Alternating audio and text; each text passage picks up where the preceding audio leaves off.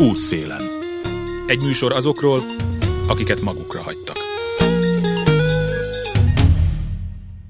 Jó napot kívánok, Józsa Márta vagyok. Úgy alakult, hogy a napokban engem elraboltak a barátaim, és csapott papot itt hagyva elmentünk négy napra az Adriára. No, nem a létező legpuritánabb bérből és fizetésből. Én úgy értem persze a mi bérünkből és a mi fizetésünkből élő fényes tekintetű, most éppen a nőket szülése sarkaló bajnokunk után, hanem csak úgy egy kicsit meghosszabbítandó a nyarat. Bepakoltuk a sátrat, és megérkeztünk egy a teljesen nomádtól csak egy leheletnyivel idén levő kempingbe. A tulajdonosai Koszovóból származó albán katolikusok. Szó szót követett, a kávé mellett kötelező volt a pegykálkodás, végül is tőlünk vendégeiktől értesülnek a világ viszonyairól. Na és persze, kire kérdeznek rá az ötödik mondat után? Hogy hogyan is vagyunk mi Orbánnal? Az ember nem szívesen gázol bele a házigazda lelki világába, hát ha Dalmáciában is vannak hívei, de aztán fizethetünk duplán a sátorhelyért. De az ember amúgy a száját sem szívesen fogja be, és nem szokta letagadni azt, amire gondol. Így hát nagyjából elmondtuk, hogy nem az a legjobb opció egy ország számára, ha a kormányfője Istennek képzeli magát meg hasonlókat, hogy értsék a pékből kemping tulajdonossá avanzsált albán emigránsok is. Akiknek amúgy persze megvolt a saját felsőbbrendűség tudatuk is, azt mondták egyrészt, hogy a pékszakma hagyományosan a katolikusoké volt az albánok között, a fagy és cukrás szakma meg a muszlimoké. És hogy ifjúkorában az asszonynak azt mondta az apja, hogy férjhez mehet bárkihez, csak muszlimhoz ne. Visszatérve a magyar viszonyokhoz, elmondták, később minden nap el is ismételték, úgy tűnik, hogy mély nyomokat hagyott bennük, hogy volt egy visszatérő magyar vendégük, akit három éve kénytelenek voltak megkérni, többé ne járjon arra. Elkötelezett Orbán hívő volt az illető, minden nap másnak hazudta magát, nem akart fizetni, és egyébként is elkezdett úgy viselkedni, mintha ő volna ott a főnök. A kávéhoz és a beszélgetéshez hozzácsapodott egy dalmát szemétszállító, akivel kisebb vita alakult ki arról, hogy a horvát vagy a magyar kormány a nagyobb tolvaj. Végül megegyeztünk abban, hogy tanulnak ezek egymástól, amikor a köztisztasági szakembernek hirtelen eszébe jutott, hogy a magyar adófizetők pénzéből 45 milliárd forint landolt azon a bizonyos augusztus 20-i Karmelita béli tűzijátékozáson Milorad Dodik, a boszniai szerb köztársaság elnöke zsebében. Arról a vezetőről beszélünk, aki szintén szoros kapcsolatot ápol Putyinnal, és amúgy mindent megtesz, immár a mi pénzünkön is, szakadár magatartásával azért, hogy szítsa a konfliktusokat az amúgy sem a stabilitásáról híres Balkánon. És aki amúgy idén rangos díjjal tüntette ki Putyint, már ha az ő díja már mint Dodiké rangosnak számít valahol. Na mindegy, a frissen szerzett geopolitikai infókkal felvértezve belevetettük magunkat az Adria vízébe, mint jól képzett úttörők, és hallgattuk, ahogy a kabócák fűrészelnek. Nem mellesleg házigazdáink azt is mondták, vannak magyarok, akik azért menekülnek el a szigetről, mert zavarják őket a kabúcák. Bennünket valami teljesen más zavar, de most hova meneküljünk? Útszélen. Napi 24 órás közelem azoknak a szülőknek, szinte kizárólag anyáknak az élete, akik fogyatékos gyerekeiket, majd felnőtt lányaikat, fiaikat gondozzák. És folyamatos rettegés is az életük. Például attól, hogy mi lesz a gyerekkel, aki például a most hallható esetben már 40 éves elmúlt, ha a szülő megbetegszik vagy meghal. Schilling Magdolnát a Gondoskodás Gyermekeinkért Alapítvány elnökét és fogyatékkal élő fiát gondozó anyát hallják. Ha jól értem, akkor az történt, hogy meghívást kaptak az Országgyűlés Népjóléti Bizottságának egy ülésére, mert a fogyatékossággal élő emberek lakhatásait szerette volna megtárgyalni a testület, de nem engedték meg, hogy valahogy szót kapjanak, ez nyilván nem lesz meglepő, hogy a testület kormánypárti tagjai döntöttek így. Na, mesélj egy picit erről, hogy egyáltalán mi ez az alapítvány, és ön hogyan érintett a történetben? A Gondoskodás Gyermekeinkért Alapítványt 26 évvel ezelőtt hozták létre olyan szülők, akik a 15. kerületi fejlesztő gondozók központba már akkor, mint kisgyerekként vitték a, a súlyosan fogyatékos gyerekeiket, és nagyon szoros kapcsolat van ezáltal az alapítvány és a fejlesztő gondozók központ között. Tehát amennyiben szükség van fejlesztő eszközökre, vagy továbbképzést gondozóknak, a családok támogatása, akár úgy, hogy rekreációs programokat szervezünk. Most már sikerül évek óta eljutni néhány napra, közösen nyaralni is, úgyhogy megpróbáljuk támogatni, segíteni ezeket a családokat. Tíz évvel ezelőtt vettem át az elnökségi feladatokat, az én gyermekem is ide jár a 15. kerületi úgynevezett Fenóba. Azért is költöztek oda, jól tudom, a budai várból, igen, hogy közel legyenek ahhoz, van. hogy... Igen, igen, e- ez életem egyik legjobb döntése volt, hogy közel költöztünk a napközihez, mert ugye a mindennapos átutazás a városon keresztül nagyon-nagyon megterhelő volt, számomra, és szerintem a gyerekem számára is, és, és akkor jobbnak láttuk, hogy minél közelebb legyünk a napközihez. Ugye Fecó, ő most már talán 40 éves, tulajdonképpen mi az ő fogyatékossága való élésének az oka, hogy történt ez a dolog, kicsit mesél a családjáról. Perkor nem sokára 40 éves lesz, nagy valószínűséggel születésnél sérült, a köldögzsinór a nyakán volt, és oxigén hiányos állapotba került, ezt ugye akkor hát diagnosztika hiány nem igazán tudták, nem, nem kaptunk erre diagnózist, illetve nem is akarták észrevenni. És mivel úgy szépen fejlődött testileg, nem jelentettek ennek hangsúlyt, hogy, hogy itt valami probléma lehet. Mondjuk a lustaságát én értékeltem, hogy nem úgy mozog, de, de a gyerekorvos azt mondta, hogy minden gyerek más, és, és vannak lustább, meg vannak virgoncabb gyerekek. De akkoriban valószínűleg egyébként nem is volt még kellőképpen fejlett a diagnosztika. Pontosan. Így, ez így van, ez így van, tehát nem volt CT, nem volt MR, nem voltak olyan eszközök, amivel lehetett ezt ellenőrizni, Hát igen, igen. Ez, ez hét hónapos korába kezdett úgy derengeni, hogy, hogy valami, valami nem nincs rendben a gyerekkel, mert visszahívtak kontrollra, és ott tájékoztattak, hogy mozgásában szerintük elmaradott, kezdjünk el járni a Villányi úti mozgásfejlesztőbe, és én igazából ott szembesültem, hogy hú, hú, hát az én gyerekem nagyon elmaradott mozgásban, mert ugye most már volt kihez viszonyítani. És ott olyan szakemberek fogadtak bennünket minden nap, akik, akiktől megkaptam azt az információt, amit addig nem. Világos, de akkor még, amikor gyerek volt, akkor lehetett ugye valami fajta fejlesztő lehetőséghez juttatni a gyereket? Nekünk szerencsénk volt, mert az, hogy mi itt laktunk Budapesten, el tudtunk járni a Villányi, majd a Kutvölgyi útra, ez, ez egy óriási szerencse volt számunkra. És négy éves korban ő elindult egy napközis életbe, akkor még mivel képezhetetlennek nyilvánították, ezért ugye nem lehetett őt sem óvodába, sem bölcsödébe beadni. És, és abban is szerencséje volt a, a gyereknek, hogy ez a napközi elindult, ahol igazából nem nagyon tudták, hogy mit is akarnak csinálni, de szép lassan úgy, úgy rájöttek, hogy, hogy ezekkel a súlyos halmozott fogyatékosokkal hm, hogy kell foglalkozni, hogy kell őket fejleszteni és, és itt próbálták őt ugye a mindennapi életben levő dolgokra rávezetni, hogy, hogy megpróbálja saját magát valamilyen szinten ellátni. Hát ez, ez igazából úgy nagyon nem sikerült.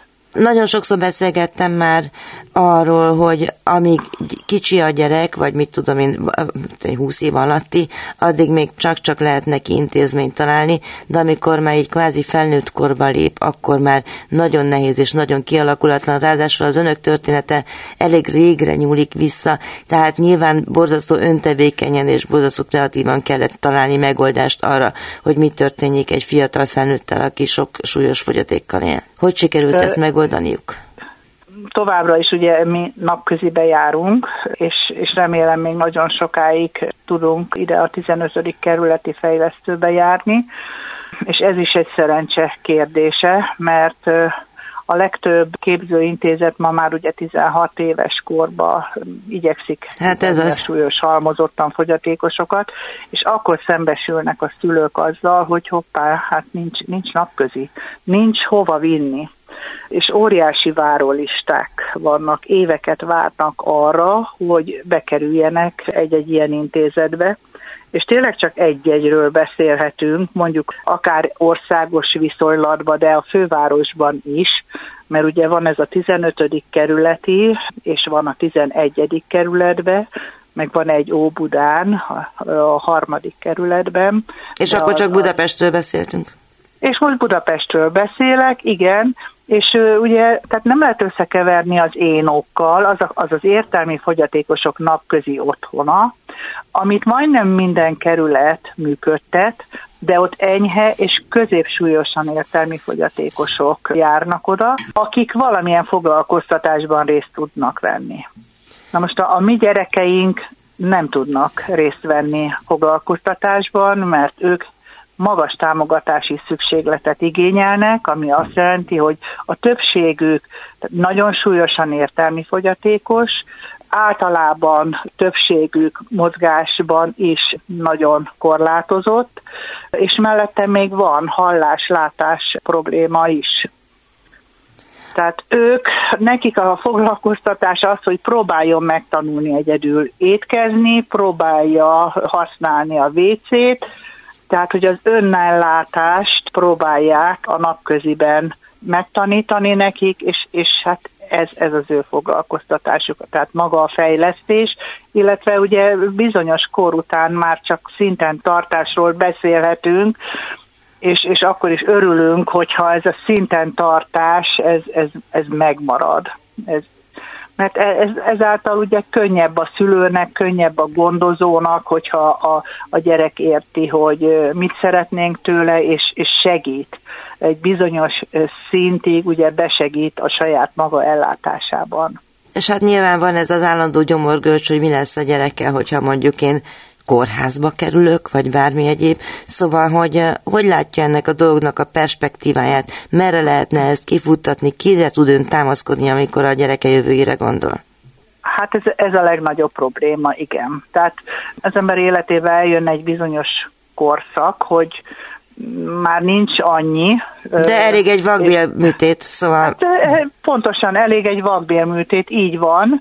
Tehát a, a, a mi gondolatunkban az van, hogy mi nem lehetünk betegek. Mi így élünk, de hát sajnos ez nem így működik, mert előfordul, hogy mi is szorulunk arra, hogy egészségügyi ellátásban részesüljünk. Nincs olyan ágy, ahova én a mai nap a súlyos halmozottan fogyatékos gyerekemet ideiglenesen például el tudjam helyezni pár napra. Budapesten egyáltalán nincs ilyen lehetőség.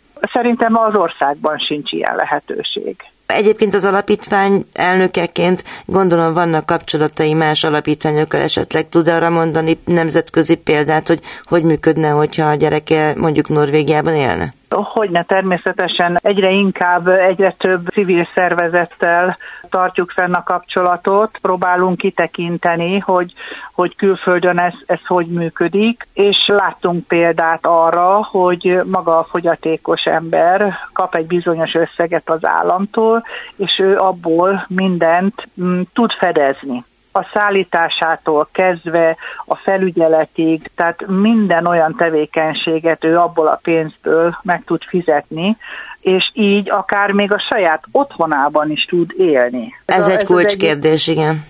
Igen, igen, igen, mert, mert ugye fogyatékos és fogyatékos között is nagy különbség van. Van, aki szívesebben maradna az otthonában, ha egy olyan csapat állna a rendelkezésére, hogy a nap 24 órájába őt tudják támogatni és segíteni. Na most itt, aki a nap 24 órájában tudja támogatni és segíteni a gyereket, az pontosan ön. Ezért ön mennyi pénzt kap, vagy hogyan ismeri el ezt a hatalmas munkát önnek a magyar állam? Én egy filért nem kapok ezért, mert nekem van nyugdíjam. Tehát tulajdonképpen az állam büntet azért, mert úgy megoldottam az életemet, hogy én napi 8 órában tudtam dolgozni, és mellette ugye elláttam a, a gyereket. Tehát hajnalba keltünk, elvittem a napközibe, délután mentem érte, majd estétől másnap reggelig megint elláttam a gyerekemet, és én úgy érzem, hogy ez nekünk most egy büntetés azoknak, akik dolgoztak. És szerette volna, hogyha a politikai döntéshozók esetleg meghallgatják ezt a történetet, amit most mondjuk éppen a rádióhallgatók hallani tudnak, és mi történt? Én nagyon szerettem volna, ha meghallgatnak, mert én bíztam abban, mert az Országgyűlés Népjóléti Bizottságát úgy gondoltam, hogy egy olyan szerv, akik ugye a jogszabályban tudják rendezni azokat a hiányosságokat, ami, ami bizony jó néhány családot érint. És sokszor, sokszor nem biztos, hogy ez anyagi, tehát sokszor más, lehet, hogy igen, előfordul, hogy igen, anyagi, de, de viszont néhány jó szóval, vagy maga az, hogy, hogy meghallgatják azt a szülőt, aki egy ilyen szituációban él, hogy, hogy mit tudnának akkor neki segíteni. Mit javasolt volna, hogyha meghallgatták volna? Hát elsősorban az, hogy itt a, ebben a problémában, hogy mi lesz a gyerekünkkel, hogyha mi nem leszünk, nagyon fontos, hogy a fővárosban kialakuljanak olyan támogatott lakhatások, ahova néhány gyereket most el lehetne helyezni. Mert a szülő általában, aki vállalja, hogy otthon gondozza a gyerekét, akkor nem biztos, hogy 10-15 éves korba azt mondja, hogy akkor menjen a támogatott lakhatásba, amíg tudja, csinálja, viszont ha eljön az az idő, akkor szeretné, hogyha egy olyan támogatott lakhatásba kerülne a gyereke, ami közel van, ahol bármikor be tud oda menni, meg tudja látogatni, vagy ha felhívják, hogy tessék bejönni, mert most olyan a helyzet, hogy hogy nem tudjuk, mit csináljunk, akkor a, a szülő már is megy és tud intézkedni. Vagy ha közben a gyerekét mondjuk elviszik kórházba, akkor utána tud menni. És hát nem beszélve az, hogy a beszoktatás azért nem mindegy, hogy egy közeli támogatott lakhatásba történik, vagy a gyerek elkerül két-háromszáz kilométerre, ott nincs beszoktatás. Ott elviszik a gyereket, és ott van. Azt is tudom, hogy van néhány olyan alapítvány, aki egy-két, vagy néhány ilyen esetről tud gondoskodni, meg vannak erre irányuló civil szándékok, politikait nem nagyon láttam, én csak azzal egészíteném ki azt, amit ön mond, hogy nem néhány gyereknek a lakhatásáról és gondoskodásáról kellene gondoskodni, hanem valamennyiről. Tehát én azt gondolom, hogy ez állampolgári jog kéne, hogy legyen, meg hát a józanész is, hogy is mondjam, és ez diktálná, nem? Igen, csak mi, mi, már, mi már annak is örülnénk, a sok-sok civil szervezet, ha látnánk, hogy egy-egy ilyen támogatott lakhatás beindul, és abból lehet tapasztalatokat gyűjteni, hogy, hogy akkor az hogy tud működni, milyen nehézségeik vannak, milyen támogatásokra van szükség, milyen szakemberre van szükség. Tehát én úgy gondolom, hogy, hogy el kell indulni ezen az úton, és utána rohamosan természetesen egyre több és több ilyen támogatott lakhatásra van szükség. Mert, mert nem csak a súlyos halmozottan fogyatékosok érintettek, ugyanúgy a mozgásokban korlátozottak, ugyanez a probléma. Tehát szinte nincs. Alig van a számukra egy-két olyan lehetőség, és hát hogy oda óriási várólista van. Tehát igen, hát 21. századról beszélünk pedig, ugye? Igen, igen, igen, igen. Úgy érezzük, hogy nem, nem érdekli őket ez a probléma. Oldjuk meg magunk, nem akarnak vele foglalkozni, még azon a szinten sem, hogy, hogy meghallgatnak. Nem akarnak ezzel szembesülni, hogy, hogy de, de ők léteznek, ezek az emberek vannak. És Igen. Ez, ez nem csak ennek a hat családnak, hanem az összes olyan családnak egy üzenet, akik fogyatékos gondoznak az otthonukban. Mesél nekem arról a napról, amikor szerették volna, bementek a parlamentbe, az hogy történt? Tehát, hogy meghívta önöket, azt hiszem, hogy Varga Zoltán az Országgyűlés Népjóléti Bizottságának dékás elnöke, hogy jöjjenek be és beszéljenek erről, és akkor az hogy történt? Bementek a parlamentbe, és és akkor ugye ott kaptunk egy tájékoztatást, hogy hogy működik ez a népjóléti bizottság, tehát hogy van itt egy ügyrend, és ha valakit szeretnének meghallgatni, akkor lehetőség van arra, de viszont azt meg kell szavazni a bizottságnak. És, és akkor megszavazták? De nem, nem. Elkezdődött az ülés, majd az egyik fideszes képviselő szinte beviharzott. Selmeci Gabrieláról beszélünk, ugye? Igen, igen, mutogatva, hogy neki még van két plusz szavazata, valószínű, akik nem jöttek el, tehát helyettük is szavazott, és így az az indítványozás, hogy én elmondjam, amit szeretnék, az lekerült. Tehát azt már nem szavazták meg. Sőt, ugye erre a témára azt is megszavazták, hogy egy óra álljon rendelkezésre, és aki szót kér, ugye a képviselők közül, a, ők 5 percet kaptak a hozzászólásra. Na most ugye ott volt Fülöp Attila, gondoskodásért felelős államtitkár, aki tájékoztatta a bizottságot, hogy mi mindent tett a kormány a fogyatékos emberek lakhatásáért.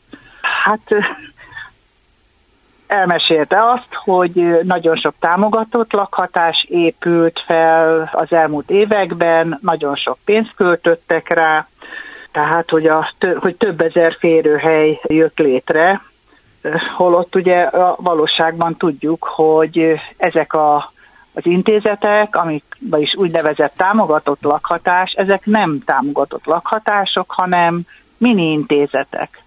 A, a nagy intézet mellett létrejött mini intézet, ahol ugyanolyan ellátásban részesülnek, mint a nagy intézetben, tény is való, hogyha egy szebb környezetben él bárki, akkor azt érzékeli, és biztos, hogy jobban érzi magát, de hát ez messze nem az a támogatott lakhatás, ami ugye a, az elvárásnak meg kellene, hogy feleljen. Úgyhogy igazából ő, ő nagyon sokat beszélt erről, voltak hozzászólások, és abból mi úgy éreztük, hogy Hát ők, ők nagyon nincsenek tisztában, hogy mit jelent az egy fogyatékos emberrel együtt élni a családban. Viszont nem akarták meghallgatni, hogy mit jelent a valóságban? Igen, igen. Most vagy az, hogy nem akartak szembesülni, vagy, vagy, vagy hogy tényleg nem akarnak ebben segíteni. Tehát, hogy ez jött le. Ez jött le, igen. Ilyen érzésünk volt. Igen, hát ez egy nagyon bátor tett volt. tényleg ilyenkor az ember nem tud mit mondani, mert hogy most tényleg mitől félnek, hogy egy bizottság előtt valaki elmondja, hogy mi az ő életének a problémája, azt nem, nem is értem, na mindegy is. Hogyan tovább? Nem adjuk fel. Úgy érezzük, hogy menni kell tovább, mindenféleképpen. A következő lépés az az alkotmánybíróság lesz, és valószínű megyünk tovább Strasbourgba, illetve több civil szervezettel együtt szinte napi megbeszélésben vagyunk, hogy, hogy mi legyen a következő lépés. Nagyon szeretnénk a társadalom figyelmét felhívni arra, hogy itt van egy olyan probléma, ami sok ezer családot érint, és valahol tényleg el kell kezdeni valamit, és, és nagyon-nagyon szeretnénk azt, hogy a, a társadalom segítsen bennünket, itt, és itt most anyagi vagy eszköz támogatásra gondolunk, mert ennek az első támogatott lakhatásnak létre kell jönnie. Én nagyon bízom benne, hogy ezt, ezt társadalmi összefogással mi ezt létre tudjuk hozni. Siling Magdolna a Gondoskodás Gyermekeinkért Alapítvány elnöke és fogyatékkal élő fiát gondozó szülőt hallották. A második részben az igazukat hosszú évek óta a bíróságon elérni próbáló Boros Ilona, a TASZ egyenlőség projektjének vezetője lesz a vendégem. Útszélen. Józsa Márta vagyok, arról beszélünk most Boros Ilonával, a TASZ egyenlőség projektjének vezetőjével, hogy hogyan próbálták elérni a bíróságon azt, hogy a fogyatékkal élők és szüleik helyzete a törvényeknek megfelelően rendeződjék, és hogy miért folytották beléjük a szót a parlamentben. Sok szülőnek az ügyét képviseli a bíróságon, és megpróbálta azt is elérni, hogy a parlamentben is az illetékeseknek beszámolhasson arról, hogy azok az emberek, akik már gyerek vagy főként felnőtt fogyatékkal élő embert nevelnek, gondoznak, azoknak a helyzete tarthatatlan és kezeletlen. Igen, hát ez a perünk, ez 2017. decemberében indult, és azt is megelőzte egy hosszas folyamat, amikor ezzel az érintetti körrel, tehát a súlyos halmozott fogyatékos felnőtt emberek és az ő édesanyáikkal közösen felmértük azt, hogy mi a fő panaszuk. És ez az volt, hogy ők egész életükben a gyereküket, akik most már felnőtt emberek, lényegében folyamatosan ők gondozzák őket. Sokuknál ez egy 24 órás szolgálatot jelent, mert vannak anyukák, akik egyedül is maradtak a, a gyerekeik fiatal korában. Van olyan is, akinél mind a két szülő még otthon gondozza a felnőtt súlyos fogyatékos gyereket. Minden esetre olyan családokról van szó, akiknek az elmúlt 20-30-40 éve az kifejezetten és kizárólag erről szólt, miközben a nemzetközi jogszabályok és a hazai törvények szerint is ezeknek a fogyatékos embereknek joga lenne támogatott lakhatáshoz, ami azt jelenti, hogy olyan lakhatást kéne számukra nyújtani, amik nem az ország határa közelébe levő, tehát Budapesttől akár több száz kilométerre levő tömegintézmények, ahol több százan élnek együtt, nagyon-nagyon rossz embertelen körülmények között, hanem olyan valódi lakások, otthonok, amik itt vannak Budapesten, a családjaik, barátaik közelében, és olyan valódi otthont jelentenek, ahol kevesen élnek együtt, és ahol az önálló életük, a közösségben való részvételük az így biztosítva van. Igen, hát bocsánat, csak egy pillanat, csak Igen. így nagyon megragadta a fejembe, hogy azt mondta, hogy olyan édesanyákról van szó, tehát ezek kimondottan édesanyák, ugye? Igen, igen, tehát az volt a helyzet, hogy amikor 2016 hét táján elkezdtünk egyre többet találkozni a 15. kerületi szülőközösséggel, kifejezetten súlyos halmozott fogyatékos embereket gondozó szülőkről van szó.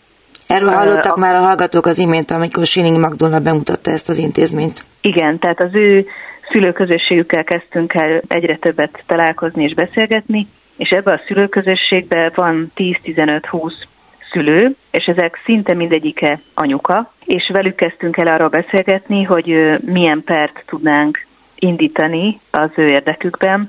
Ezek a szülők közül a többsége egyedül maradt, vagy azért, mert az édesapa akkor, amikor kiderült, hogy súlyos fogyatékos gyerekről van szó, akkor egy ponton elhagyta a családot, vagy azért, mert már az idők folyamán meghalt, hiszen idősebb szülőkről van szó, nagy részt nyugdíjas korú szülőkről van szó, de vannak olyanok is, akik együtt maradtak, és máig együtt vannak, de ezekben az esetekben is az édesanyák az aktívabb felek, és ők indították a pert. Magdolna egyébként még azt is mondta, csak hogy ne hagyjunk ki egyetlen részletet sem, hogy ő úgy érzi, hogy ő tulajdonképpen a rendszer bünteti amiatt, hogy ő meg tudta azt oldani, hogy dolgozzon a gyereke miatt, és azért nem ismeri el senki azt a munkát, amit ő egyébként 0-24-ben a már 40 pluszos fiával végez. Így van.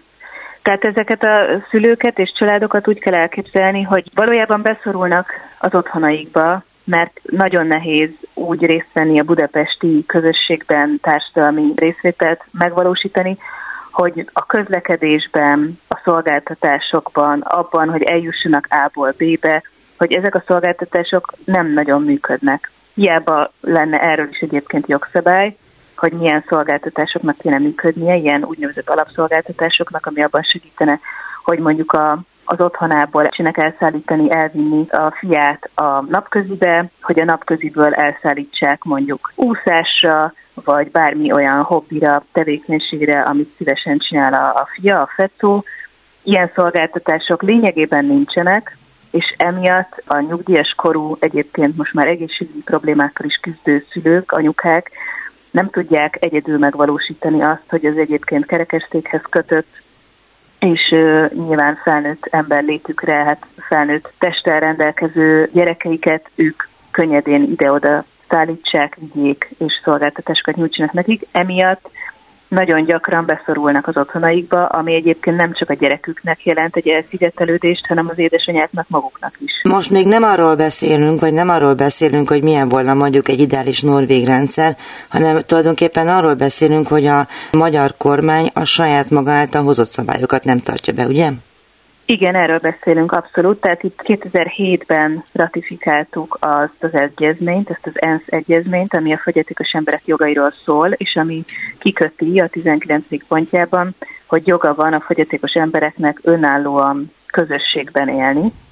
Ez jelenti praktikusan azt az úgynevezett támogatott lakhatást, ami egy olyan lakás, egy olyan otthon, amiben kevesen élnek együtt, tehát az, a lényeg az az, hogy olyan legyen, mint egy normális háztartás, amiben ugye egy normális háztartásban 5-6 embernél sokkal többen nem nagyon szokás együtt élni. tehát ennyiből egy 50 fős, 100 fős intézmény az nyilvánvalóan nagyon-nagyon más, és egyébként jogsértő ezáltal. Tehát olyan valódi otthonok, amiben kevesen élnek együtt, amiben az úgy él a fogyatékos ember is, mint mi mindannyian, ahogy szeretne, ő maga választja ki azt, hogy mikor kell föl, mit reggelizik, reggelizik-e egyáltalán, mit ebédel, milyen programokat szeretne magának szervezni a napjaiba, mikor fekszik le, néz tévét, mit néz a tévében. Tehát, hogy egy normális, önálló, saját döntésén alapuló életet van-e intim szférája például, vagy magánszférája? Van-e intim szférája? Egyedül van-e a szobájában? Az emberi kapcsolatait hogyan ápolja? Kivel tart kapcsolatot? Kivel nem tart kapcsolatot? Tehát ezek mind azok a dolgok, ami számunkra természetesen hangzanak, ha a saját életünkre gondolunk,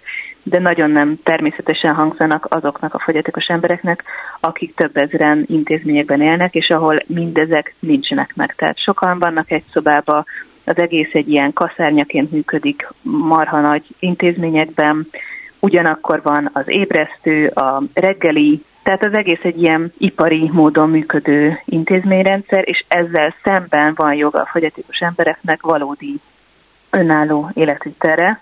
Tehát egyrészt ez az a törvény, amire mi hivatkoztunk, és ami miatt pert indítottunk, de ami most az imént szóba került, és ami most ennek a pernek nem volt tárgya, az az, hogy egyébként a szociális törvény ezeket az alapszolgáltatásokat is biztosítja a családok számára, tehát például támogató szolgálatot, ami segít eljutni A-ból B-be, olyan gondozói munkát, ami a illető ember otthonában segít neki az étkezésben, a WC használatban, a takarításban, a vásárlásban. Ilyen alapszolgáltatásokat kellene fenntartania a magyar államnak minden településen, ahhoz, hogy a otthonaikban élő fogyatékos embereknek is lehetősége legyen részt venni a közösségben, és ezek nagy része nem működik, nem elérhető. Mi a bírósági ítélet, vagy a gyakorlat, vagy egyetlen hogyan kezelte ezt a bíróság, milyen fázisai voltak, és hol tartunk most a jogi igazságszolgáltatás területén? 2017. decemberében adtuk be a keresetlevelet, ezzel indult el a per, és hosszú ideig tartott az elsőfokú bírósági eljárás. Azért ez a leghosszabb szakasz általában az eljárásokban, mert ez az a rész, amikor a bíróság meghallgatja az összes érintettet, hiszen mind a két fél, tehát a felperesi oldal is, itt most 12 felperes volt, hiszen hat családból hat anyuka és hat felnőtt fogyatékos gyermeke vett részt a felperesi oldalon, őket képviseltük mi, és a másik oldalon a két állami szerv volt, a minisztérium, amikor elindítottuk a pert, akkor ez még az Emberi Erőforrások Minisztériuma volt, az EMMI, ami csak most az utóbbi pár évben alakult át a belügyminisztériumá, tehát átkerült a szociális rész a belügyminisztérium alá. Mint minden olyan rész, amik tulajdonképpen nem értek a politikát, ez csak egy zárójeles megjegyzés volt. Tehát az EMMI ellen indítottuk, és másrészt az SGF ellen, ami a Szociális és Gyermekvédelmi Főigazgatóság, ez az a giga szerv, ami alá tartozik a teljes magyar gyerekvédelem, szociális intézményrendszer, fogyatékos ellátások. Tehát van egy ilyen nagy gigaszerv, mint fenntartó, és ezt a két szervet pereltük be azért, hogy nem tart fönn támogatott lakhatásokat. Az első szakaszban kellett egyrészt meghallgatni az összes felperest, kértük tanúként meghallgatni azokat a szakembereket, akik jól ismerik a fogyatékos fiatalokat, és akik be tudtak számolni a bíróság előtt arról, hogy minden fiatalnak nagyon-nagyon fontos, szakmailag is igazolható módon teljesen más életszínvonalat tud biztosítani hogyha van önállósága, ha tud részt venni a közösségben, és nem az édesanyjával be van szorulva az otthonába, illetve olyan további szakembereket, tanukat hívtunk el meghallgatni, akik valamilyen módon ezekről a élethelyzetekről be tudtak számolni. Tehát például ennek a szülőközösségnek, ennek a nappali intézménynek a vezetője, a Bárci Gusztáv gyógypedagógiai intézménynek az egyik dékán helyettese, aki egyébként személyesen is ismeri ezeket a fiatalokat, tehát sok, sokakat meghallgattunk, és emiatt ez az elsőfokú eljárás, ez egy hosszabb eljárás, mert innentől kezdve a másodfokon és a kurja előtt már a bíróságok nem hallgatják végig ezt még egyszer, hanem onnantól papírokból dolgoznak. Akkor az elsőfokú eljárás első ízben úgy végződött, hogy nagy vonalakban elvesztettük a pert, mert? Mert valamiért a bíróság nem értette meg, hogy mi nem a szociális ellátások hiányát kértük számon, hanem mi azt állítottuk, hogy a szociális ellátások hiánya miatt az alapjogai sérültek ezeknek a felpereseknek, tehát az a emberi méltósághoz való joguk és a magánélethez való joguk sérült azáltal, hogy nincsen támogatott lakhatás. Tehát nem önmagában annyit mondtunk, hogy az a jogsértés, hogy nincs támogatott lakhatás, hanem azt mondtuk, hogy azért, mert nincs támogatott lakhatás, az elmúlt 20-30 évben ezek az emberek emberhez méltatlan körülmények között kell, hogy éljenek, és ezek a szülők 30-40 éve nem aludtak át egy éjszakát, fél órán át többet nem tudtak elmenni otthonról, nem tudnak pihenni, nem utazhattak el, a munkájukat fel kellett adniuk, a párkapcsolataik felbomlottak, a baráti kapcsolataik felbomlottak, teljesen elszigetelődtek a társadalomban, és ez olyan súlyú, hogy ez már az emberi méltóságukat és a magánéletüket súlyosan sérti, és hát amellett teljesen egyértelmű, hogy ez egy diszkriminatív helyzet, tehát a fogyatékos embereket megkülönbözteti a magyar állam azon keresztül, hogy számukra nem teszi lehetővé azokat az életfeltételeket, amelyeket a nem fogyatékos embereknek lehetővé tesz. Lehet, hogy én vagyok fogalmatlan, de azt nem értem tulajdonképpen, hogyha csak az lett volna a téma, hogy nincs támogatott lakhatás, miközben a törvény ezekről a dolgokról rendelkezik, uh-huh. tehát nem tartják be a törvényeket, az voltak éppen az én, hát nem tudom én, házi asszonyi jogászi felfogásom vagy jogérzékemben is azt jelenteni, hogy már önmagában is ettől lehetne perelni. Igen, ebbe abszolút igaza van. Csak itt van egy ilyen bonyolult jogászi logika, ami lehet, nem is hangzik logikusnak. Tehát önmagában az, hogy egy szolgáltatás nincs fenntartva, azt így a polgári bíróságon személyiségjogi perben nem lehet számon kérni. Azt más módon esetleg lehet gondolkozni azon, hogy hogy lehet kikényszeríteni, de az nem egy személyiségi jogsértés. Onnantól válik személyiségi jogsértésé, hogy a, a valamilyen ellátás hiánya a felperesi oldalon sérelmet okoz. Mivel csak ilyen eljárási típus van Magyarországon, amiben érvényesíteni lehet egy ilyen típusú jogsérelmet, ezért mi ilyen pert indítottunk, ezt személyiségjogi pert indítottunk, és egy ilyen perben meg kellett ugranunk azt, hogy nem önmagában csak annyit kellett kimondanunk, és kimondatnunk a bírósággal, hogy fenn kéne tartani egy szolgáltatást, ami nincs, hanem ehhez képest pluszba azt is ki kellett mondatnunk a bírósággal, hogy ez személyiségi jogsértést is eredményez. Milyen eredménye? Tehát első körben ugye ezt a bíróság nem értette meg, és ott lezárta, hogy hát igen, van szociális ellátás lehet, hogy hiányzik, de hogy azt ilyen perben nem lehet érvényesíteni. Viszont aztán felebeztünk a döntés ellen, és másodfokon viszont már a háromtagú bírósági tanács abszolút értette a érveinket, és el is fogadta azokat, és megállapította, hogy hiányoznak ezek a szociális ellátások, és eznek feltehetően van személyiségi jogsértő eredménye, és emiatt visszadobta első fokra, mert ha ennyire hiányzik a bizonyítottság az, az elsőfokú eljárásban, akkor a másodfokú bíróság nem teheti meg azt, hogy ő maga dönti el, hanem az a eljárási szabály, hogy akkor vissza kell dobnia elsőfokra, és akkor újra kezdődött az elsőfokú eljárás, ami nyilván idegtépő volt a felperesi családok számára, hiszen eddigre már több éve tartott a per. Viszont az újabb elsőfokú eljárás során történt egy bíróváltás, és ez nagyon előnyös volt számunkra, mert az új bíró felgyorsította az eljárást, nagyon gyorsan és nagyon hatékonyan végezte a következő tárgyalásokat, és egy fél éven belül megszületett az új elsőfokú döntés, ami viszont 100%-ban pernyertessé tett minket. Kimondta, hogy hiányoznak ezek az ellátások, ezek jogsértőek, ezek személyiségi jogsérelmet okoznak a felpereseknek, hiszen emberi méltóságot sért, és az egyelő bánásmódhoz való lyukat is sérti azt, hogy nincsen támogatott lakhatás, és emiatt megítélt számukra 5 millió forint sérelemdíjat is, és azt is kimondta a bíróság, amit kértünk, és alig mertünk reménykedni benne, hogy ezt is megítéli a bíróság, hogy valóban kötelezi az állami szerveket, hogy kell építeniük támogatott lakhatást Budapesten számukra, és addig is, ameddig nincs támogatott lakhatás felépülve, addig is ezeket a szolgáltatásokat biztosítani kell a felperesi családoknak. Úgyhogy ez volt 2021. decemberében, ez nagyon megemelte és meglódította a felperesi szülőket. Hát ugye 17-től 21-ig azért az jó pár év, természetesen az állami szervek fellebeztek a döntés ellen. Így kerültünk fél évvel később 22 áprilisában a másodfokú bíróság elé, tehát az ítéletábla elé,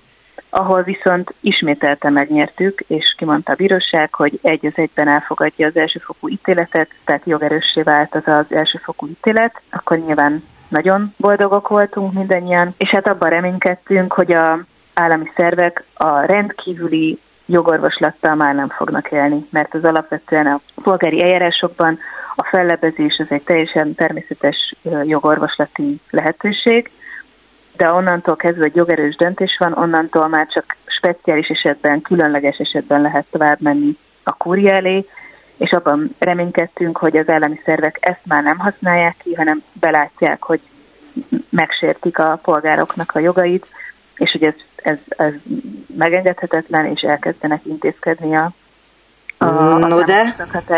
érdekében, de nem ez történt, hanem a kuriához fordultak, és most 2023 áprilisában a kúria váratlanul nagyon furcsa döntést hozott, azt mondta, hogy ugyan valóban hiányoznak a támogatott lakhatások, és ugyanez valóban jogsértő, ez nem is kérdés, de ennek személyiségi jogot érintő következménye nincsen, és ilyen típusú eljárás nem is lehet polgári perben érvényesíteni. Tehát akkor mindenki marad hoppon. Ami azért is különösen kegyetlen döntés, mert egyébként ezen a hat családon kívül ez az összes többi fogyatékos embert is, sőt nem csak a fogyatékos embereket, hanem a gyerekvédelemben élő gyerekeket és mindenkit, aki a magyar szociális ellátórendszer bármelyik bugyrához kapcsolódik, az mind érinteni hogyha elfogadnánk ezt a kúriai döntést. Tehát akkor ez azt jelenteni, hogy bárki, mondjuk egy gyerekvédelemben élő gyerek, akit ugye elvettek a családjától, vagy meghaltak a szülei, és bekerül a gyerekvédelem valamelyik gyerekotthonába, és ott őt éri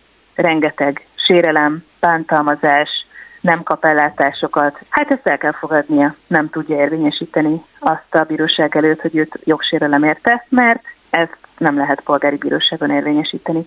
Ha ezt elfogadnánk, akkor azzal azt mondanánk, hogy az állami szervek lényegében felelőtlenek minden jogsértésükért, és erről nyilvánvalóan azt gondoljuk, hogy ez, ez tarthatatlan, elfogadhatatlan jogállami keretek között ilyen nem jöhet szóba, úgyhogy emiatt megyünk tovább. Most az Alkotmánybírósághoz fordultunk a döntés ellen, és az Alkotmánybíróság döntésétől függően megyünk tovább a nemzetközi fórumok elé. Miért fordultak a politikusokhoz, miért próbálták a parlamentbe, illetve a Népjóléti Bizottság ülésén elmagyarázni, hogy miről is beszélünk, mi történt ott? Az történt, hogy egyébként a Népjóléti Bizottság keresett meg minket, és nem mi őket, de ennek nyilván nagyon örültünk, hogy eljutott a híre a döntésnek a parlamenti képviselőkhez is. Tehát a Népjóléti Bizottság elnöke keresett meg minket azzal, hogy olvastak erről a döntésről, és ez nagyon felháborítónak, és hát megrökönyödtek a döntésem, és hogy szeretnék ezt a témát a Népjóléti Bizottság elé vinni, és ott számon kérni a kormányzati szereplőket, hogy mit tesznek ők a támogatott lakhatás érdekében, és emiatt vettünk részt meghívás alapján a Népjóléti Bizottság ülésén, ahol az történt, hogy hát a, az elnöke szavazásra bocsátotta azt, hogy a meghívottak közül a Magdolna megszólalhasson, és egy pár percben összefoglalhassa, hogy nekik miért lenne nagyon fontos, hogy a gyerekeknek legyen lakhatása, és akkor ezt ugye szavazásra kell bocsátani, és a bizottság ülésén a Fideszes többségű bizottságban a képviselők leszavazták azt, hogy Magdolna megszólalhasson, majd megkérdezte az elnök azt is, hogy akkor szavazzanak arról, hogy én, mint jogász megszólalhassak esetleg szintén ilyen meghívotti pozícióban, azt is leszavazták, és még azt is kezdeményezte Selmeci Gabriela, hogy maximalizálják 5 percben ezt a témát, ezzel is utalva arra, hogy nagyon nem szeretnék, hogy ez erről beszélni kelljen. Mivel ugye többségben voltak, ezért ezt is megszavazták, úgyhogy ezután következett egy 20 perces rész, amikor a Fülöp Attila beszámolt arról, hogy az állam, az államtitkár igen beszámolt arról, hogy mit tesz a kormányzat a támogatott lakhatásért és a fogyatékos emberekért. Nyilván úgy számolt be róla, mint hogyha minden nagyon-nagyon jól állna, és elképesztő mennyiségű támogatott lakhatási férőhely lenne, és mindezt a magyar kormányzat csinálná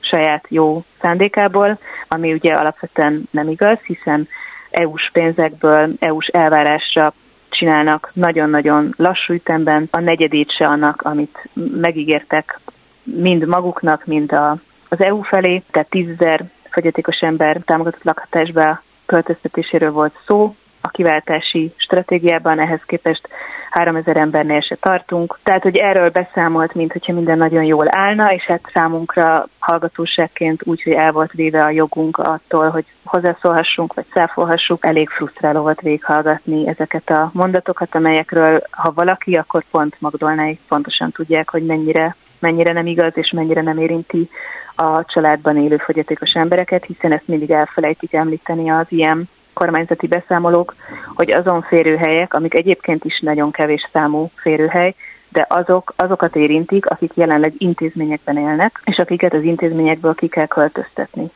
És azok nem érintik a jelenleg családjaikban élőket, tehát azokat, amilyenek a magdiék is, akik nem voltak hajlandóak a gyermekeiket tömegintézménybe rakni, mert azt gondolták, hogy az embertelen lenne a gyerekeik számára, és hát nyilván a családokban élő fogyatékos emberek a túlnyomó többsége a magyar fogyatékos társadalomnak, és róluk abszolút nincsen szó. Továbbá kormányzati forrás, tehát magyar költségvetési forrás nem nagyon van ebben az egész folyamatban.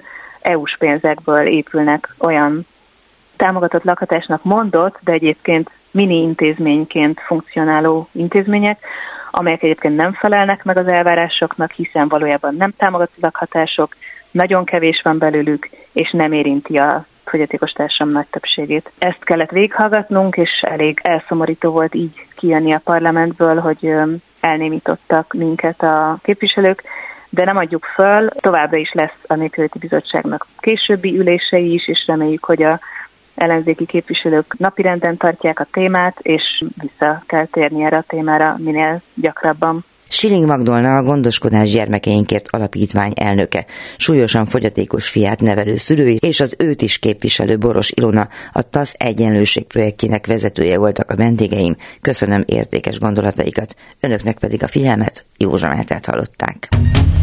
Önök az útszélen adását hallották a Klubrádióban.